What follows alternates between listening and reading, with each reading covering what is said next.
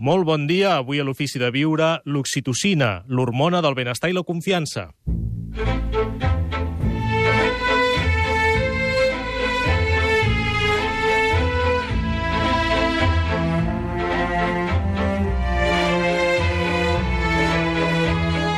Gaspar Hernández, l'ofici de viure.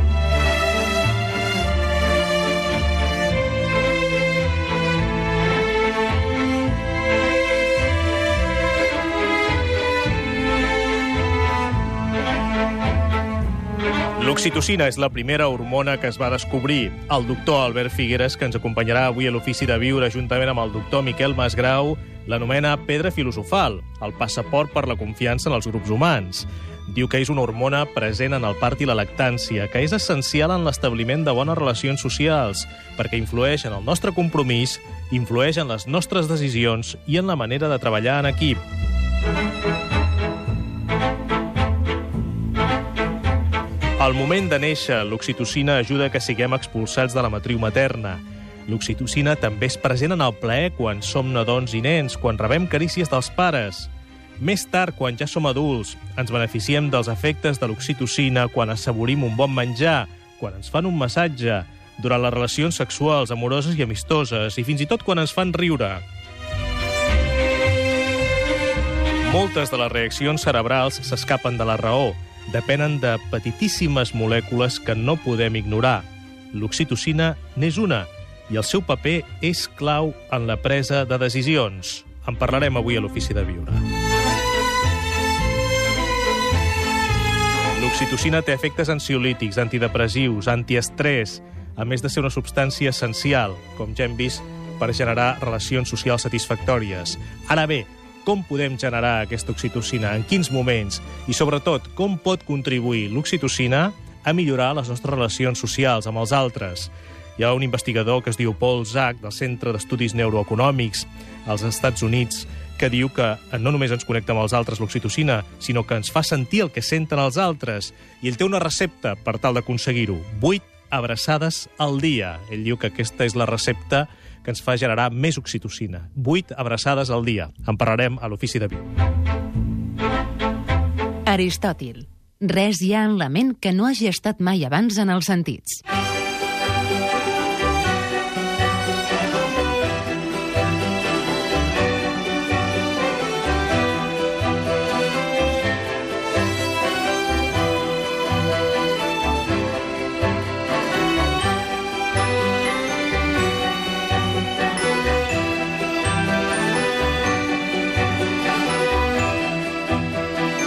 Bon dia, em dic Daniel Gavarró i sóc xerpa espiritual. La meva feina és ajudar la gent a viure's en plenitud. I avui, quan estava reflexionant sobre l'oxitocina, aquesta hormona del benestar i de la calma, pensava que precisament aquesta hormona es produeix a base dels vincles i és molt important aprendre, aprendre a crear vincles positius. I això és tan important per nosaltres com a adults com també per la canalla. I moltes vegades ens preguntem com generar aquests vincles positius. Permeteu que us dongui dos o tres consells, especialment a les persones que tenen fills i tenen filles, però que crec que podrem aprofitar tots i totes.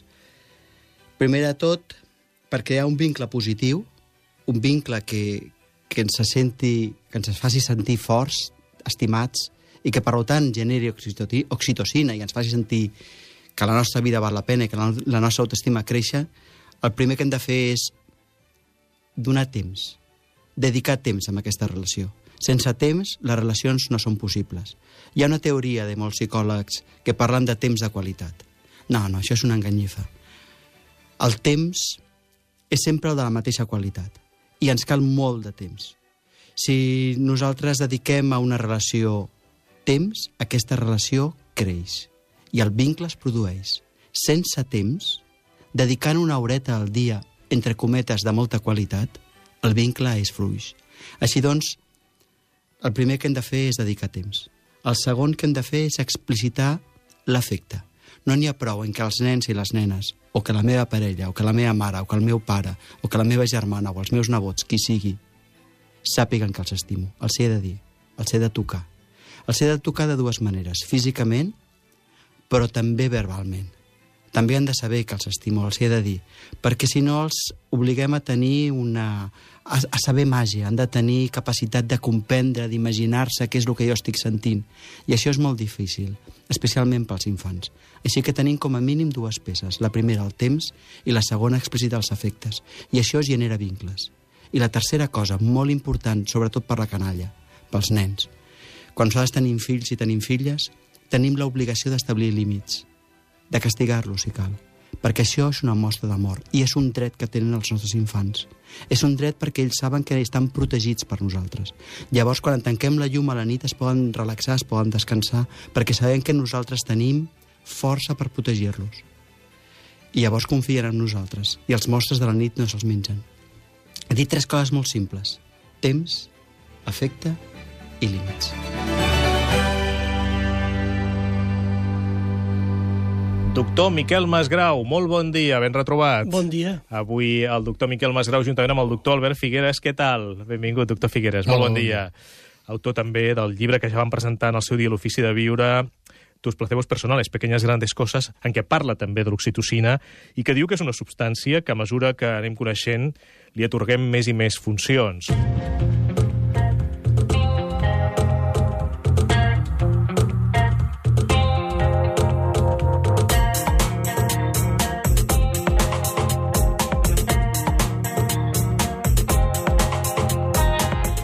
Demarasiti. L'oxitocina i els seus circuits són l'estratègia psicològica per permetre superar la fòbia a l'individu desconegut per emparellar-se i crear llaços d'unió.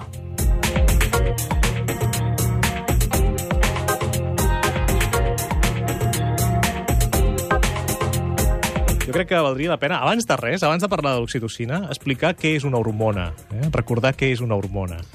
Una hormona i un neurotransmissor, perquè l'oxitocina és alhora les dues coses. De fet, són eh, molècules que acostumen a ser molt petites, que produeix el mateix organisme i que serveixen per regular eh, diverses funcions. En el cas dels neurotransmissors, sobretot el cervell, i en el cas de les hormones, altres òrgans de, de tot el cos. Uh, L'oxitocina, concretament, és alhora les dues coses. Un neurotransmissor perquè actua al cervell, però també eh, té funcions d'hormona. Si vostè hagués d'escollir una hormona i un neurotransmissor a la vegada, triaria l'oxitocina? Eh, sí, l'oxitocina i les endorfines. Va, que són cosines germanes, no? Bé, tenen funcions, diguéssim, complementàries amb la part, diguéssim, positiva. Però, per exemple, si fem esport, generem més d'una o de l'altra? Generem més endorfines. Que a vegades són antidepressives, no, també? Són antidepressives, tenen un efecte analgèsic, de fet són derivats de la morfina, per entendre'ns, no? Clar, és que nosaltres ja tenim totes les drogues, no? Exactament. No cal anar-les a buscar fora, perquè el cos ja les, ja les subministra, no?, quan ell creu que és oportú, no? Uh, sí, de fet és curiós, perquè eh, moltes d'aquestes substàncies s'han descobert quan eh, es va veure que, per exemple, al cervell hi havia uns receptors pel cànnabis o hi havia uns receptors per la morfina i es van preguntar i per què l'organisme ha de tenir els receptors d'unes drogues i aleshores van començar a buscar i va ser quan van descobrir, descobrir perdó, que hi havia endocannabinoides, que hi havia endorfines, etc etc. Si se'm permet la broma, som drogadictes. Sí, i Tots. tant, i tant. No? Clar. Clar, perquè quan necessitem, per exemple, la calma, vostè, doctor Masgrau, amb l'acupuntura, també deu generar oxitocina, no? També- I endorfines. I endorfines. També, tot. De fet, quan l'organisme funciona bé, es, es generen totes aquestes hormones bones i, i neurotransmissors. Podríem dir que hi ha hormo- eh, drogues bones i dolentes. Les bones són les que tenim a dintre. Clar. Les dolentes són les que, les que agafem de fora, que a més a més interfereixen amb les de dintre, perquè a mesura que anem prenent de fora, deixem de produir-ne nosaltres. Clar, el cos, si està ben en harmonia, ja decideix quan toca una cosa Clar. i quan toca l'altra. Clar, clar. I la dosi justa. Eh? Exacte, i no, no cal... Al canvi, quan, quan, la, quan la pres de fora, es va, vas creant dependència, llavors, no? Es, vas inhibint la, la teva pròpia producció. És molt interessant eh, saber que tenim... Diguéssim, l'explicació química és perquè es produeixen aquestes substàncies. Bé, i com veu el doctor Figueres això de les 8 abraçades al dia? Eh, bé, ho veig una cosa interessant, sobretot perquè, mm, diguéssim, que millora les relacions socials i les relacions amb els que tenim eh, al voltant.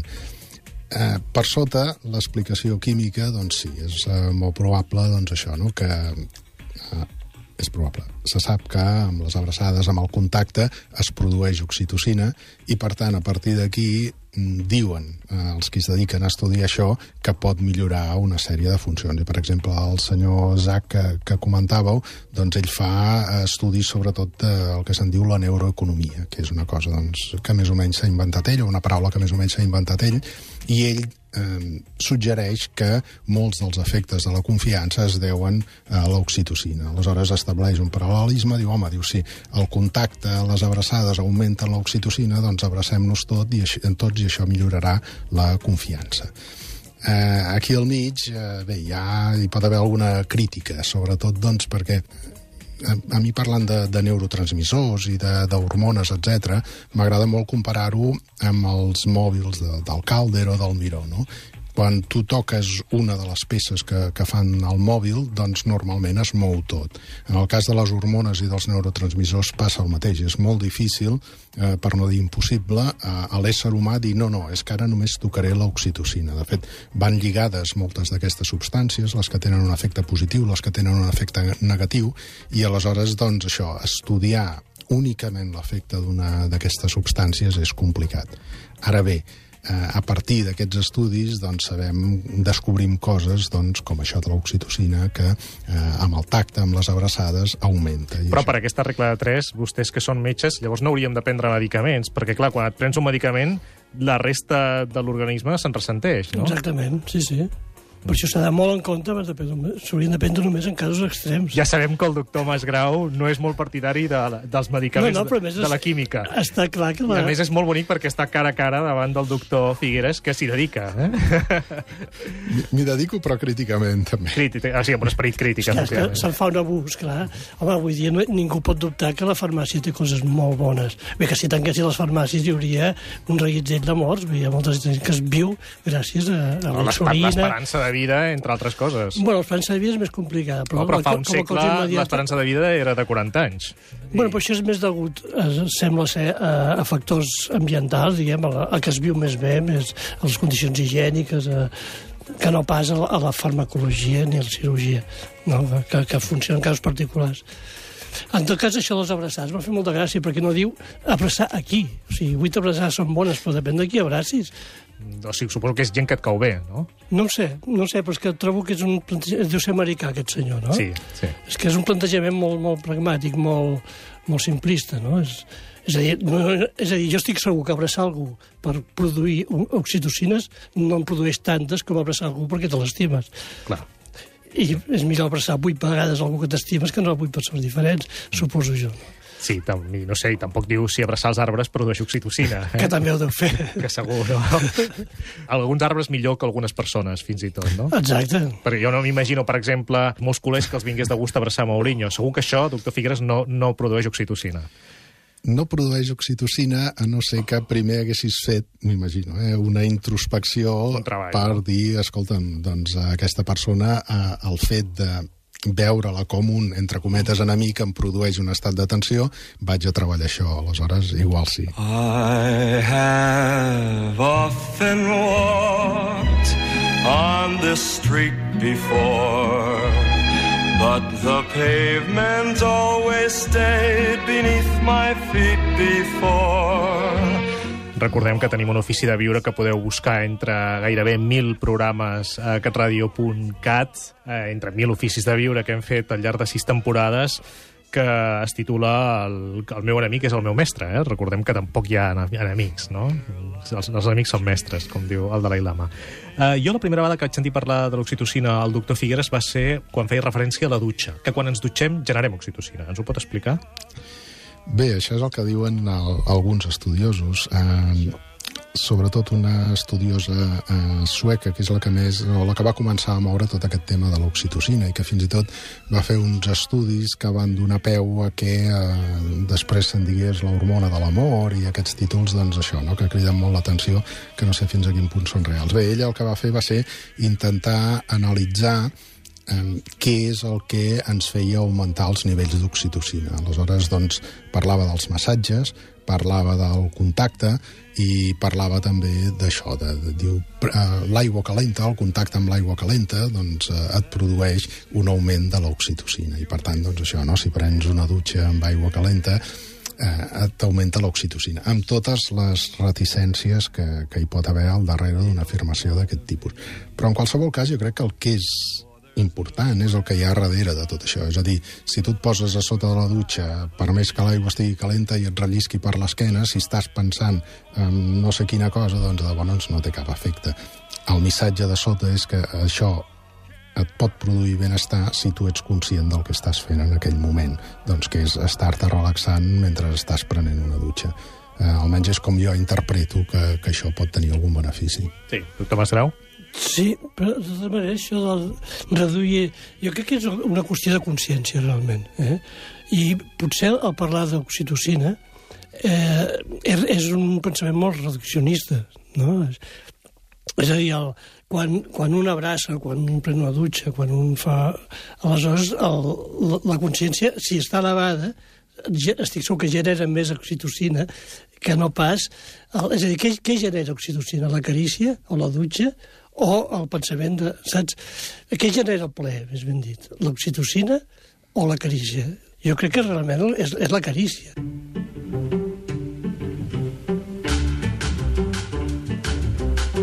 Kerstin Umnàs. L'oxitocina és l'hormona de la calma, l'amor i la sanació. Fly me to the moon and let me play among the stars. Let me see what spring is like on Jupiter and Mars. In other words, hold my hand. In other words, darling, kiss me. Ha escrit en Sebastià Serrano a la Festa dels Sentits El tacte ens envolta. Quan nosaltres ens toquem, emergeix una gran quantitat de missatges que viatgen a través del nostre cos i arriben a tot arreu. Són com una mena de cartes d'amor que circulen per tots els nostres canals a la fi efecte de comunicar, diu Sebastià Serrano, de portar bona serenor, del benestar i de la tranquil·litat. Només cal la força de la carícia per fer esclatar tanta harmonia. I, de fet, el del tacte és un dels sentits eh, que tenim més abandonats. En, en aquesta època tenim sobreestimulada la mirada, eh, tot entra a través d'imatges, i en canvi ens toquem poc. Sí, sí, és així, i és importantíssim. Sobretot, el, el, els, quan es neix, l'oxitocina, la gran explosió d'oxitocina, és el moment del pare, el moment de, que és quan realment és més abundant, no? I això és una cosa que és molt curiosa i, i que per mi és un, dels, un argument més a favor del part natural. I és que el part, el part s'hauria de respectar en totes les seves fases. És un fenomen natural que no tindria per què intervenir-se només en casos molt, molt extrems. I precisament l'oxitocina és, és, és un, un dels arguments. Perquè el, les, és a dir, la, la relació que es crea entre la mare i el, i el fill el moment del part és, a, part, a part de que afavoreix el, el mecanisme del part, vull, té un, ja, la, la, és, la relació que es crea és tan, tan, tan intensa, això per tots els esquemes sí, de parts naturals ho hem vist, que no té res que veure amb, amb, aquesta, amb aquest part mecanitzat, eh, eh, convertit en un acte quirúrgic pràcticament. No? Mm. O sigui, les persones, les dones sobretot, també els homes, però sobretot les dones, es perden quan, quan no, no poden fer aquest part natural, un dels moments més macos de la seva vida. I potser està lligat això, a aquesta explosió d'oxitocina a nivell bioquímic. Sí. Doctor Figueres? Uh, sí, totalment d'acord. Uh, diuen que un dels moments en què l'organisme té un pic més alt d'oxitocina és precisament el moment en què la criatura es posa sobre uh, la panxa de la mare, just acabada de néixer. I aleshores comença a raptar, a gatejar, fins a, fins a agafar-se al mugró. En aquest moment és quan s'eleva més el nivell d'oxitocina i, a més a més, eh, és quan s'estableix un dels vincles més potents que hi pot haver entre dos éssers humans, que és el, el de la mare i el fill. I això posa en qüestió la, aquesta, aquesta costum que hi ha hagut durant tant temps de separar el nen de la mare només al moment de néixer. Això és una cosa que es, es hauria, i potser d'aquí uns anys es veurà com una barbaritat, no com una animalada, perquè no hi ha cap animal que faci això, al contrari, toca-li una, cria, una, una cria amb un, amb, una, amb sí, un mamífer, sí. no? Uh -huh. I, sinó que realment és una nombrades, no raonades, o sigui, només un, un ésser capaç de, de raonar pot equivocar-se tant, pot, pot, pot sobreposar, pot contradir l'instint d'aquesta manera, no? L'altre dia ens deia Juan que no entenia per què no hi afegim a la nostra edat uns mesos, perquè diu, diu per què no van comptar els mesos que vam estar a la panxa de la mare. Eh? Vostè bueno, subscriu els, això? Els xinesos crec que compten el, la vida des del moment de la concepció. Sí, el doctor Figueres té una opinió formada sobre el tema? No. No, no perquè però... aquí científicament, clar, sempre hi ha la discussió, no?, de quan comença Sí, la vida sí, realment, no? sí. Però està clar que comença abans del part. Sí, sí, però en tot cas el moment del part és un moment definitiu, el canvi d'estat, i doncs en aquest moment, quan, i en aquest moment, a més a més, l'olfacte també té, juga un paper molt, molt important. Un dia vaig estar per, per, un, amb un, per, eh, per unes muntanyes, vaig veure un pagès que estava ajudant a, a treure un vedell molt gran d'una vaca amb, un, amb una eina així tota rovellada. Mm. Vaig pensar, i això no pot ser que surti bé de cap manera. Evidentment no va sortir bé, va sortir el vedell mort, i el primer que va fer va ser apartar-lo de la vaca, perquè si l'enflairava el trobaria a faltar. I a més, si l'apartava i li tornava al cap d'una estona, ja no el reconeixia com seu. Si, I si li posava un altre vedell, el agafava com, com fill seu. És a dir, és, és, aquest moment és tan, tan important i, i no se li té cap mena de respecte. Diu André Comte Esponville, que va ser a l'ofici de viure la temporada passada, Eros és la mancança i la passió amorosa. És l'amor que pren o vol agafar. Fília són el poder i l'alegria redoblats pels de l'altre. És l'amor que gaudeix i comparteix. Fixeu-vos en aquesta mare i el seu fill, diu. El nen pren el pit, és Eros, l'amor que pren la vida mateixa, mentre que la mare dona el pit, és Filia, l'amor que dona, gràcies al qual tot continua i canvia, perquè la mare abans va ser filla. Va començar a aprendre com tothom i llavors va aprendre a donar. És el que anomenem un adult. Es tracta d'aprendre a donar una mica, a vegades, a aquells que estimem i que ens fan sentir bé.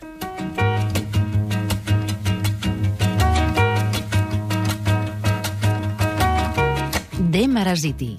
L'oxitocina i els seus circuits són l'estratègia psicològica per permetre superar la fòbia a l'individu desconegut per emparellar-se i crear llaços d'unió.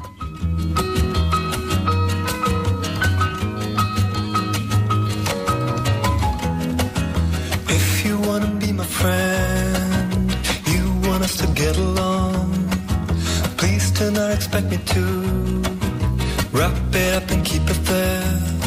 The observation I'm doing easily I és veritat, doctor Figueres, que sempre s'ha considerat més aviat una hormona femenina, l'oxitocina? Bé, inicialment eh, es va descriure en el procés aquest del part eh, i, per tant, doncs, es pensava que només en tenien les dones, però ben aviat es va veure que no, que els homes també en tenien. I aleshores, clar, eh, de fet se sap que la natura, quan existeix una cosa, és que normalment té una funció, si no, doncs, per l'estalvi de la pròpia natura, doncs no no n'hi ha. Aleshores es van començar a preguntar per què els homes també tenim oxitocina, i a partir d'aquí es van veure algunes d'aquestes altres funcions de les que hem estat parlant. A l'hora de- d'estimular de, l'oxitocina, si en volem generar expressament, dèiem abans, bé, l'important és l'estat de consciència, de presència que tens en el, en el moment, però podem donar alguna, alguna eina més? Parlàvem de la, la dutxa, les carícies, els massatges, les abraçades. Ens en deixem alguna? Eh, les relacions sexuals, eh, etc, petons... Eh, És a dir, és allò que dona plaer? són, a veure, és, és, són coses... Jo interpreto que són coses que a tu et fan sentir bé i en el moment en què tu et sents bé doncs es posen en marxa una sèrie de mecanismes, es produeixen una sèrie de substàncies i una d'aquestes doncs probablement és l'oxitocina.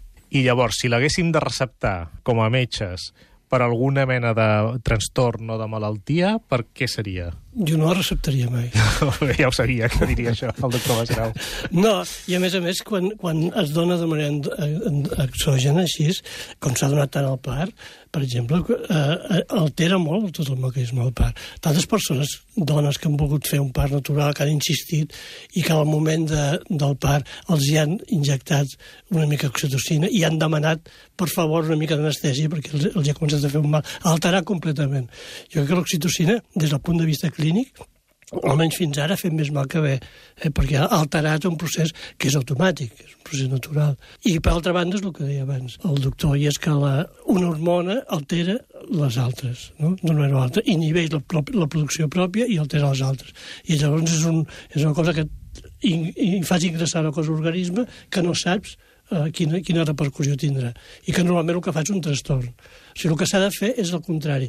De fet, des del punt de vista de les medicines holístiques, el que produeix l'oxitocina no és tant el plaer com l'equilibri de la persona en aquest sentit la meditació, el ioga, el tai chi, l'acupuntura, no? Els sistemes que, de, que equilibren l'ésser humà augmenten no l'oxitocina, augmenten tots els, els neurotransmissors, tota la... i això és el que realment les persones han de, han de procurar. No? Va, però, per exemple, s'ha demostrat científicament, doctor Figueres, que un determinat tipus d'esport diari practicat durant X minuts, em sembla que són 20-25 minuts, tenen el mateix efecte durant X mesos que els antidepressius. Llavors això mantingut per això durant el, en el temps, eh? o sigui, més, més de mig any o no sé quants mesos. Davant una persona que tingui, no sé, ansietat o que tingui molt d'estrès, si haguéssim de receptar oxitocina per a aquestes persones, aniria bé o no? A veure, aniria bé. El que passa és que, per exemple, amb, amb l'exemple aquest de l'esport i, de, i de la depressió, què és el que ajuda? El fet que la persona faci esport i aquí se segreguin una sèrie de neurotransmissors o el fet que si la persona fa esport, surt a córrer, per exemple, vol dir que surt vol dir que, per tant, està en contacte amb la natura, es mou, eh, té oportunitats d'estar en contacte amb altres persones que fan el mateix, i tot això eh, contribueix a que el seu estat d'ànim millori.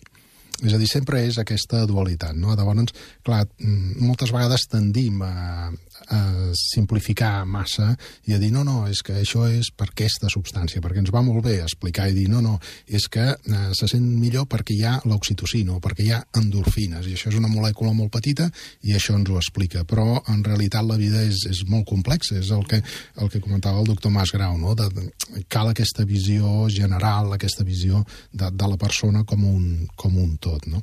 Aleshores, i això explica també per què eh, sí que hi ha eh, estudis que s'han fet que diuen no, no, és que mira, si reunim a uns quants executius amb una, amb una taula i agafem un spray d'oxitocina i el tirem a l'ambient i tots respiren això, doncs tindran molta més confiança i doncs, si, si han de, per exemple, jugar a borsa, doncs eh, s'arriscaran més. Però, clar, és, això va molt bé, queda molt bé explicat. El que passa és que a l'hora d'analitzar-ho des del punt de vista de la persona, clar, aquí falla alguna cosa, perquè hi ha molts factors involucrats. El que sí que és cert és que, per exemple, l'oxitocina doncs, eh, té un cert efecte ansiolític, eh, redueix aquesta situació, aquesta resposta eh, a l'estrès que és nociva o contribueix juntament amb altres eh, hormones o neurotransmissors i augmenta o contribueix a augmentar la confiança. Per què? Perquè si no estem tan ansiosos al davant d'una altra persona, si no tenim aquesta sensació d'estrès, doncs això el que fa és que ens confiem més en la persona que tenim al davant i això fa que fem una sèrie d'accions. Sí, sí, d'acord, completament. Sí. De fet, eh, l'acupuntura, bàsicament el que treballa és això, no? Bé, clar, l'acupuntura, el plantejament seria, en el, en el, la manera clàssica de fer-la, antiga, vaja, es tracta d'equilibrar els polsos, l'energia que es detecta a través del, del pols. No? El pols fa com una ona i aleshores eh, detectant aquesta ona pots veure si hi ha alguna mena de desequilibri. En el moment en què això s'equilibra, que això, s'ajunta, la persona es troba realment molt bé. I estic segur que en aquell moment les seves oxitocines han, han pujat.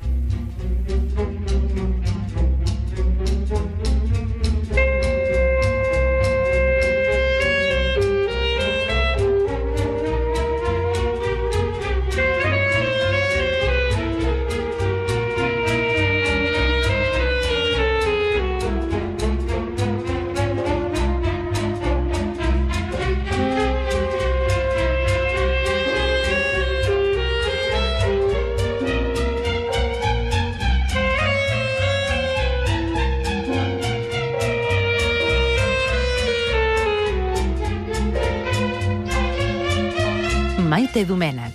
Tots som receptius als estímuls del tacte, però hem d'alliberar-nos de prejudicis.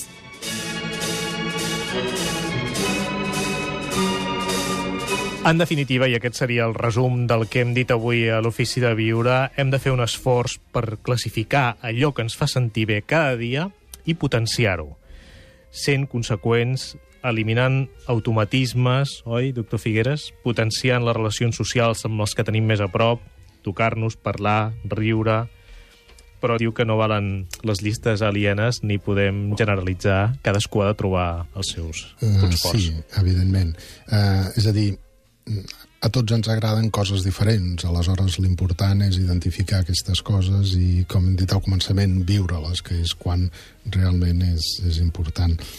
En relació, per exemple, amb, amb això que, que parlàvem de, del tacte, eh, s'han fet estudis, per exemple, eh, que agafen una sèrie de nois eh, joves i eh, demanen a noies per ballar. Aleshores, eh, s'han dividit en dos grups. Un grup agafen i simplement els hi diuen hola, què tal, eh, vols sortir a ballar? I un altre grup, just abans de fer això, agafen i els hi toquen l'espatlla. Aleshores, doncs, eh, una de les coses que s'ha vist és que les persones que, eh, quan toquen l'espatlla amb la persona amb la que volen ballar, doncs tenen, diguéssim, més èxit. Aleshores, clar, eh, hi ha persones que responen als estímuls tàctils, hi ha persones doncs, que els hi agrada.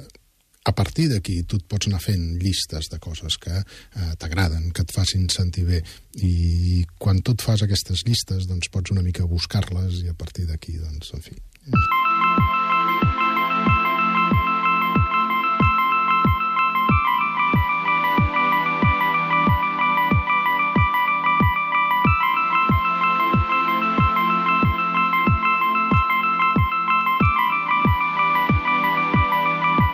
Sobre que et toquin, a vegades hi ha gent que se sent com una mica intimidada, no?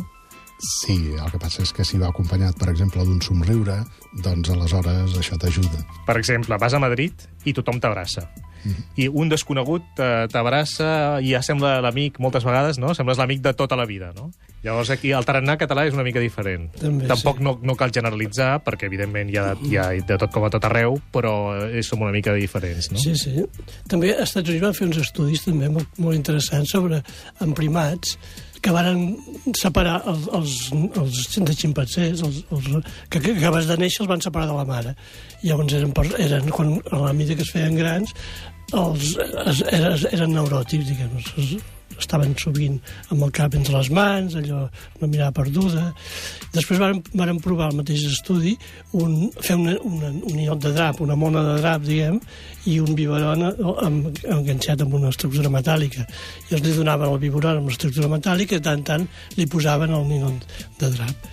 I, i, i llavors, quan hi posaven els dos alhora, el, mon, el mono s'enfilava al ninot de drap i intentava agafar el biberon des d'allà. Des de... I aquests van créixer. I els van créixer mm, van créixer, es van fer molt bé. Van, van créixer més que els que, els que es van fer més grans i macos que els que, que, els que es criava la, la mare, la, la ximpancé. Pel canvi, es van, quan van fer grans van ser agressius, socials, amb mal caràcter, diguem, mal geni. No? Fins a quin punt és important aquest moment que està molt lligat a, les, a, les, a la liberació d'endorfines, al moment del part. Fins a quin punt és important respectar això i crear aquest vincle que tenim, perquè llavors tenim un vincle, si no és així, tenim un vincle com humans, perquè tots sabem que és el nostre fill, la, la, la mare sap que és el seu fill, però no hi ha el vincle mamífer. Hi ha un altre cas d'una girafa que a l'Àfrica va parir en un ñu, va parir al costat d'un jeep i, i clar, el ñu va marxar corrents va deixar la criatura allà però bueno, la criatura va seguir en el, en el jeep després i clar, l'olor de la, del gasoil i no sé què i el soroll aquell era el seu, el seu referent i es va... Que El... fora, eh? Sí, sí, doncs així és, és l'importància d'aquest moment. No? Sí, és un moment, no sé si en altres cultures és un moment sagrat. Sí, to totes, totes, les tradicions, totes. El primer que ha fet la mare és agafar el nen i ficar-se-la a sobre. És aquí que l'han posat a una osseria, allà tot estèril, la, la sala de plors li diuen tots plorant, però esclar, higiènic al 100%, no? Sí, el doctor Masgrau, com sempre, és crític. Eh? Bueno, més que crítica, en aquest cas soc molt, molt partidari del, del parc natural, crec que realment... Surt, I, de fet, ara s'està tornant a imposar. Eh? I jo em, va, em vaig començar a fer fa 30 anys, em deien cavernícola, em van dir de tot, i ho feia amateur, eh? perquè no, no he dit cap mai. Però com feia metge del poble, que, que havia estat 24 hores allà, m'encantava. I que- deien... i no, hi, no té res que veure amb els parcs de clíniques, que no tenen res que veure. Són, I tots surten bé, tots van, tots van sols. No, L'únic que necessita és tranquil·litat, respirar bé, i ja està, i surten. I és una festa, no s'ho poden imaginar, és un moment més màgic que, que he viscut. Jo. Troba a faltar la feina de metge de poble? M'agradava, sí, sí. Mm. De metge de poble dels d'abans, que avui dia no n'hi ha, avui ja tenen urgències, ja fan torns, no sé què. Però aquell, aquell clàssic, allò de quedar-se 24 hores al dia durant 11 mesos... És importantíssima la feina de, del metge de poble, que sobretot coneix la família. Perquè, clar, si coneixes la família, ja saps una mica de quin peu calça. Clar, I saps clar. per on falla la família, no? I d'on venen molts mals. Ah, clar, ent entens molt més... De fet, és la, la gran escola de medicina, és la medicina de poble.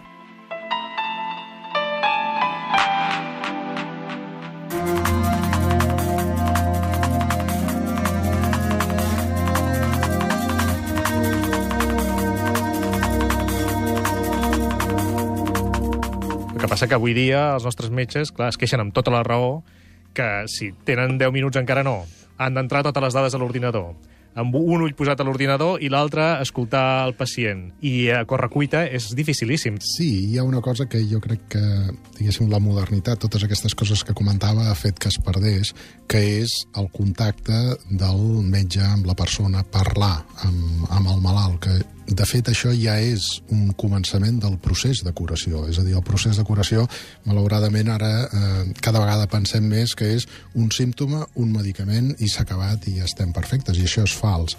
És a dir, que eh, el que comença el procés de curació és el propi, eh, primer, el fet d'anar a veure el metge, d'anar a veure una persona que tens confiança i a partir d'aquí el diàleg que s'estableix entre el malalt i, i el metge. Això és importantíssim i clar, i cada vegada es perd més per això, no? perquè hi ha menys temps i perquè s'han de fer més coses a la consulta a banda d'atendre el, el malalt. Clar.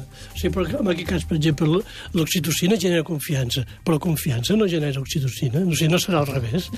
Sí, sí, sí. Clar, de- el, pel punt de vista del, del, de l'industrial, diguem, del, del que vol fer negoci, és el producte. O sigui, però realment el que està produint la- l'oxitocina és la- la- l'ambient en què es viu, no?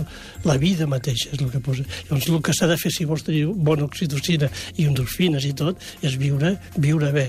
No? Que no vol dir anar de plaer en plaer, perquè tampoc és aquesta la... ni tampoc anar de, de medicament en medicament. Perquè anar de ple en ple el que fa és trencar l'equilibri, també, no? Però és que és impossible, és impossible. Mm. El plaer té un, té, té un límit, no? És un Una dosi. Exacte, que es No transforma, podem estar menjant tot el dia. es transforma en displaer, clar. Llavors, s'ha de, és una altra història. S'ha de buscar, no s'ha de buscar, s'ha de viure de tal manera que es pugui arribar a trobar la felicitat. O sigui, realment el que produeix la, provoca l'endorfina és la felicitat. I aquí tornem al títol del llibre de l'Albert, els petits plaers quotidians, no? que són els que ens donen felicitat. Sí, sobretot el fet aquest de ser petits, perquè si un plaer eh, dura molt, acaba arriba un moment en què ja no, no, no de en fem cas, no en fem cas. És a dir, percebem per contrast. Doctor Figueres, doctor Masgrau, gràcies per haver tornat a l'Ofici de Viure de Catalunya Ràdio que acabin de tenir un cap de setmana amb molt de, no, molt de plaer, no? Amb, amb petits plaers, eh? que els omplin. Moltes gràcies. Gràcies a vosaltres. Bon dia.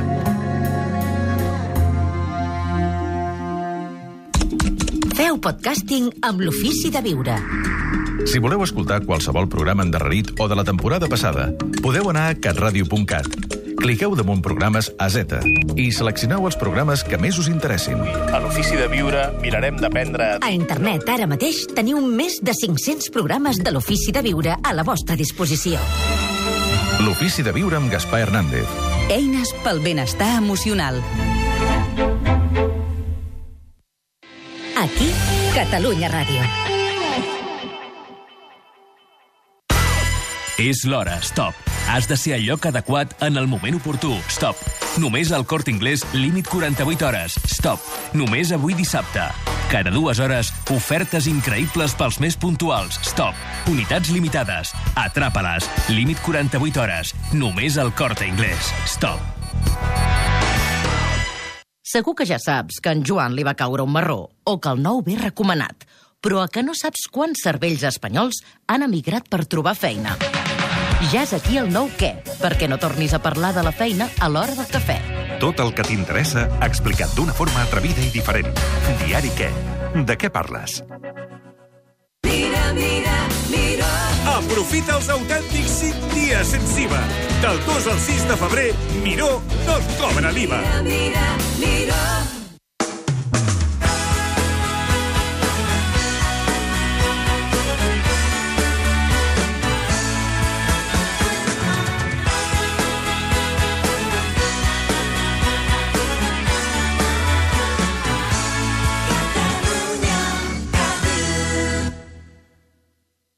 L'ofici de viure.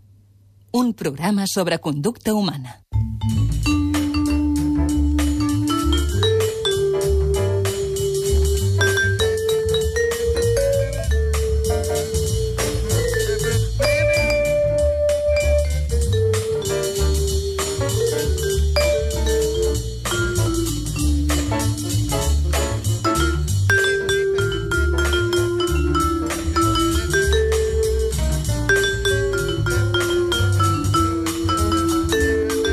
Arriba en Jordi Llavina a l'Ofici Jo de. Viure. Molt bon dia. Bon dia i bona hora a tothom. Bé, avui I no bona neu parlarem- pels que la vagin veure l'altre dia. Què tal el jo- Penedès? m- Esperant-la, jo em vaig acostar una, una cadira a la terrassa, no, part de dins del pis, eh? no, no em vaig fotre a la terrassa, naturalment, esperant que nevés. I no, i no. I va haver un moment que hi havia uns flocs, i anàvem baixant, i uns flocs primer molt petits, després uns, uns senyors flocs o volves, i no hi va haver manera que, que, que, que aquella neu eh, agafés. I no et va inspirar per escriure, ja no dic un poema, si més no un e-mail d'amor o de desamor... Doncs mira, la resposta és no. No perquè la neu és molt inspiradora. Sí, la setmana passada ja ens vas explicar què es podia fer Mira. eh, amb el fred i la neu. Moltes... mo- Ah, sí, ja, ja veig per on vas. Ja, ja et conec, Arbeta, que et dius marduix. Per mi la neu, eh, així com, per exemple, la pluja, la pluja és tal com raja. Eh? Per, perquè hi hagi pluja tampoc no convé grans condicions meteorològiques ni climatològiques. Eh, La pluja és tal com raja. Eh? Hi ha regions d'Europa en què hi plou molt, eh, regions en què, en què hi plou menys, països com el nostre que eh, sembla que la pluja no sàpiga ploure del tot, que deia Raimon, però, en canvi, la neu, però, però va fent. La pluja, hi ha molts dies de pluja al, al llarg de l'any. I de neu, en canvi, hi ha un poema molt bonic de José Carlos Llop que diu que la neu és sempre una celebració en els països en què no neva. La neu és que això ho he, ho he encunyat aquesta setmana amb un dietari que escric, és l'artesania del fred. I al cap de tants mil·lennis de caure volves de neu al planeta Terra, no s'ha trobat una forma més perfecta que la forma vagament estrellada de la volva. Per tant, jo sóc un gran defensor de la neu. Això no sé si contesta la teva pregunta, però en tot cas ja, jo ja t'he posat aquí la falca. Bé, Eh, dues, dues recomanacions ens volies fer Sí, abans sí. sobre la, pel·lícules en què surt la neu, Sí. abans de l'email d'amor d'avui. Una pel·lícula molt bona, per mi la millor pel·lícula d'Eric Romer, que es diu Manui Chemot, La meva nit amb Maut, en què la neu fa que un personatge que ha estat convidat a casa d'una noia extraordinàriament atractiva, l'actriu Françoise Fabian, eh, no pugui marxar d'allà i hagi de quedar-se tota la nit en el pis eh, de Clermont-Ferrand d'una dona que està molt bona perdoneu-me l'expressió, una dona molt atractiva, intel·lectualment molt poderosa, etc etc. I aquella neu fa que el, em sembla que es deia eh, Vidal, és el Jean-Louis Trintignant, aquell, aquell actor tan bo. Es queda allà i tota la nit no passa res, parlen molt, parlen molt. Ella l'intenta seduir, ell, que sap que trobarà una noia catòlica practicant rossa, rossa, i amb això ja acabo, perquè si no us desguitarraré l'argument, eh, no es deixa seduir. Són aquestes pel·lícules que ara, ara ja no se'n fan. Eh? No, no, són pel·lícules allò que franceses. d'art i assaig. Sí, no, no, assaig, i eh? els francesos ho van fer molt bé, Sí. i en canvi els nord-americans no parlen. Eh? No, home, hi ha Les algun... pel·lícules hi ha, nord-americanes, no, hi ha algun nord-americà que devora i, i revereix aquest eh, cinema, que és el Woody Allen, doncs, que, que també es parla, però és una altra manera de parlar. I l'altre és Houston, naturalment, els, els morts, en què els dublinesos, dins el recull de contes dublinesos, i la pel·lícula Els morts, en què hi ha una dona que recorda en un sopar de Nadal eh, que havia tingut un amor de primera joventut, gairebé d'adolescència, d'un noi que cada dia estava sota el balcó, era allà sota el balcó i que un dia amb la neu, doncs, va desaparèixer. I hi ha una imatge molt portentosa, que és la de les volves caient. Hi ha un moment en què la pantalla queda absolutament coberta, sepulta, o sepultada pel blanc. És, El poeta Jordi Llavina, ara passem als emails d'amor, viure arroba catradio.cat. Quin doncs. mail ens portes avui? Doncs mira, el d'una persona de 34 anys, un noi que està solter, diu, he passat per diverses relacions, però cap d'elles l'he vist com la parella definitiva i, per tant, com per tenir un projecte sòlid de futur. Fa sis mesos vaig conèixer la feina una noia de la mateixa edat i a poc a poc em va agradar. Fins al punt de sentir que era la noia que sempre havia estat buscant, però ella té nuvi, sense enllaç ni fills, des de fa més de 7 anys. Amb el temps hem establert una amistat molt bona, però al tenir nuvi sempre m'he vist frenat per dir-li el que sento. Fa pocs dies, de manera sorprenent, em va dir que sentia per mi coses que no havia sentit mai. Perdoneu que em passo saliva. I que li agrado molt. Jo li vaig dir el mateix. Ha passat més d'un mes d'aquell dia i ens anem veient inclús fora de la feina i jo tinc la sensació que és la dona de la meva vida. Aquesta situació em provoca una certa incertesa i l'últim dia li vaig dir que la situació per mi era difícil i que m'agradaria estar amb ella cada dia. I li vaig preguntar com se sentia. Em va dir que cada dia pensa que ha de fer respecte a la seva relació amb el seu nuvi. Què ha de fer? Que no està bé ni malament, però que li fa falta emoció a la relació i que si fos per ella es quedaria a viure amb mi, però que això afecta altres persones i li és molt complicat. Arribat a aquest punt, no sé amb exactitud el que he de fer. No sé si donar temps a la relació i veure com evoluciona o plantejar-li de no continuar la relació fins que hagi aclarit la seva situació amb el nuvi. Moltes gràcies per la vostra ajuda i salutacions.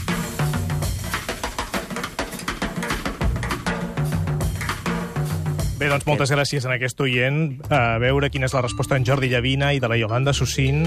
Eh, és difícil, no? És difícil, però què, què no hi ha que, que, que no sigui difícil aquesta vida, Gaspar? I a més a més les coses de vegades difícils són les que tenen un preu més alt i les que més ens estimem.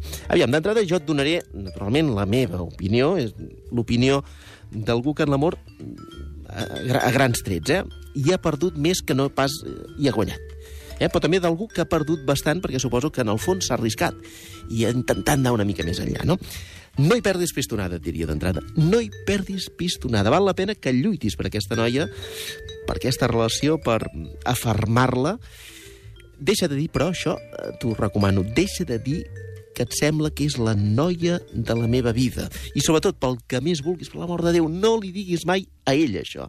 Fes-li entendre subtilment que sí, que ho pot ser, que pot ser una persona molt important a la teva vida, fins i tot la noia de la teva vida, però en paraules no ho verbalitzis, perquè això és cagarrina, si em permets la paraula una mica grollera. Això fa molta por dir, ets la noia de la meva vida, ets la persona de la meva vida.